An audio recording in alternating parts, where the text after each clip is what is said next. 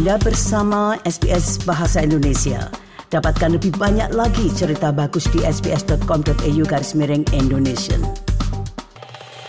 Para pendengar sekalian, laporan terbaru PBB mengatakan manusia mengeksploitasi sumber daya alam sedemikian rupa sehingga kerusakannya tidak dapat diperbaiki lagi. Studi yang dilakukan oleh Universitas PBB mengatakan bahwa kita perlu mengelola sumber daya dunia dengan lebih baik untuk menghindari dampak bencana. Berikut ini adalah laporan selengkapnya yang disusun oleh Esam Al-Ghalib untuk SBS News. Menurut para peneliti di Pusat Analisis Kebijakan Universitas PBB, perubahan iklim bukanlah sesuatu yang harus kita khawatirkan. Laporan barunya yang bertajuk Interconnected Disaster Risk atau risiko bencana yang saling berhubungan menyatakan bahwa berkurangnya sumber daya dunia menciptakan rantai risiko yang saling berhubungan sehingga pemulihan tidak mungkin dilakukan.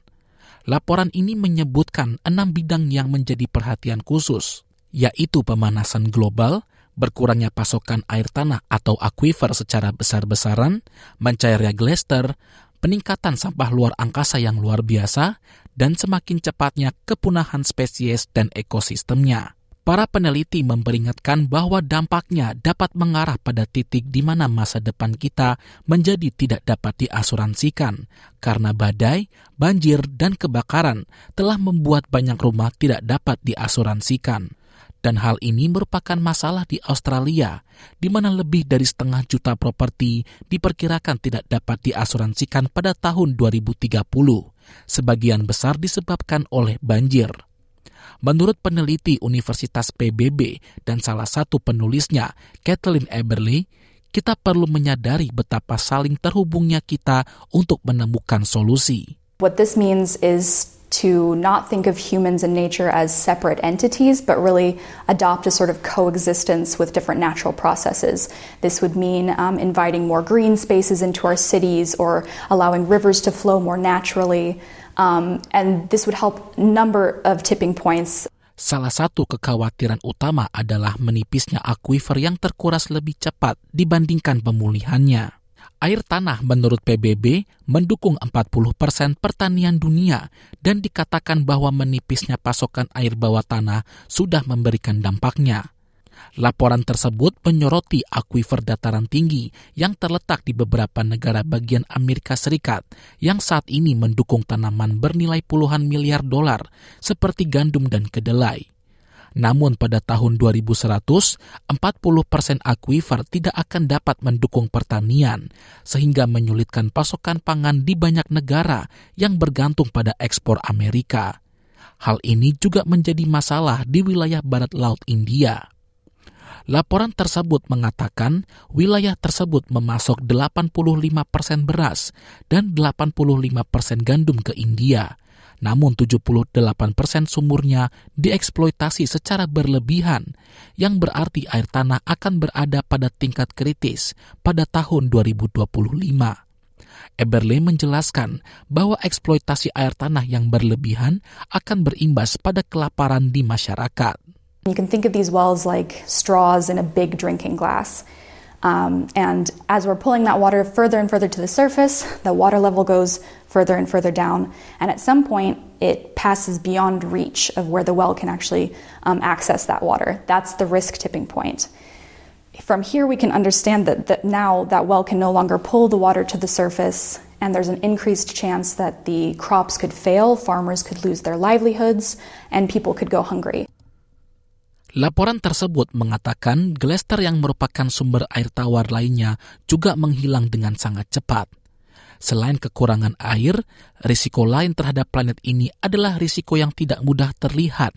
Sampah luar angkasa dibiarkan mengorbit di sekitar planet kita. Badan Antariksa Eropa mengatakan lebih dari 170 juta objek, salah satunya dapat melumpuhkan pesawat dan berpotensi memicu rantai kekacauan dan menghancurkan sistem satelit yang penting. Cuplikan grafik animasi yang dibuat untuk Universitas PBB menunjukkan bagaimana sampah luar angkasa telah menjadi salah satu titik kritis. Take for instance our reliance on space infrastructure. High above us, thousands of satellites orbit the Earth providing vital data for weather monitoring. early warning systems, and communications. For decades, we have launched objects into space without managing the debris we create as a result. As we continue to pollute our orbit with satellites and debris, we will eventually reach a tipping point. One crash could set off a chain reaction of collisions that would continue until our space infrastructure is completely destroyed. Dr. Zita Sebesvari adalah penulis utama laporan ini dan wakil direktur Universitas PBB.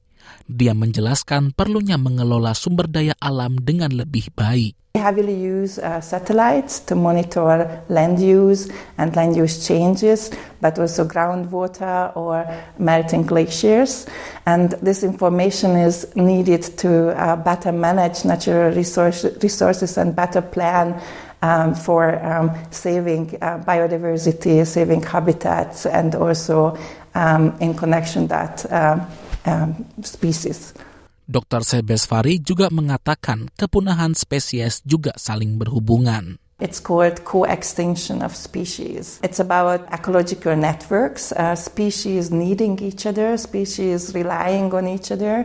For example, because they are prey and uh, predator, or for pollination, or um, for um, habitat.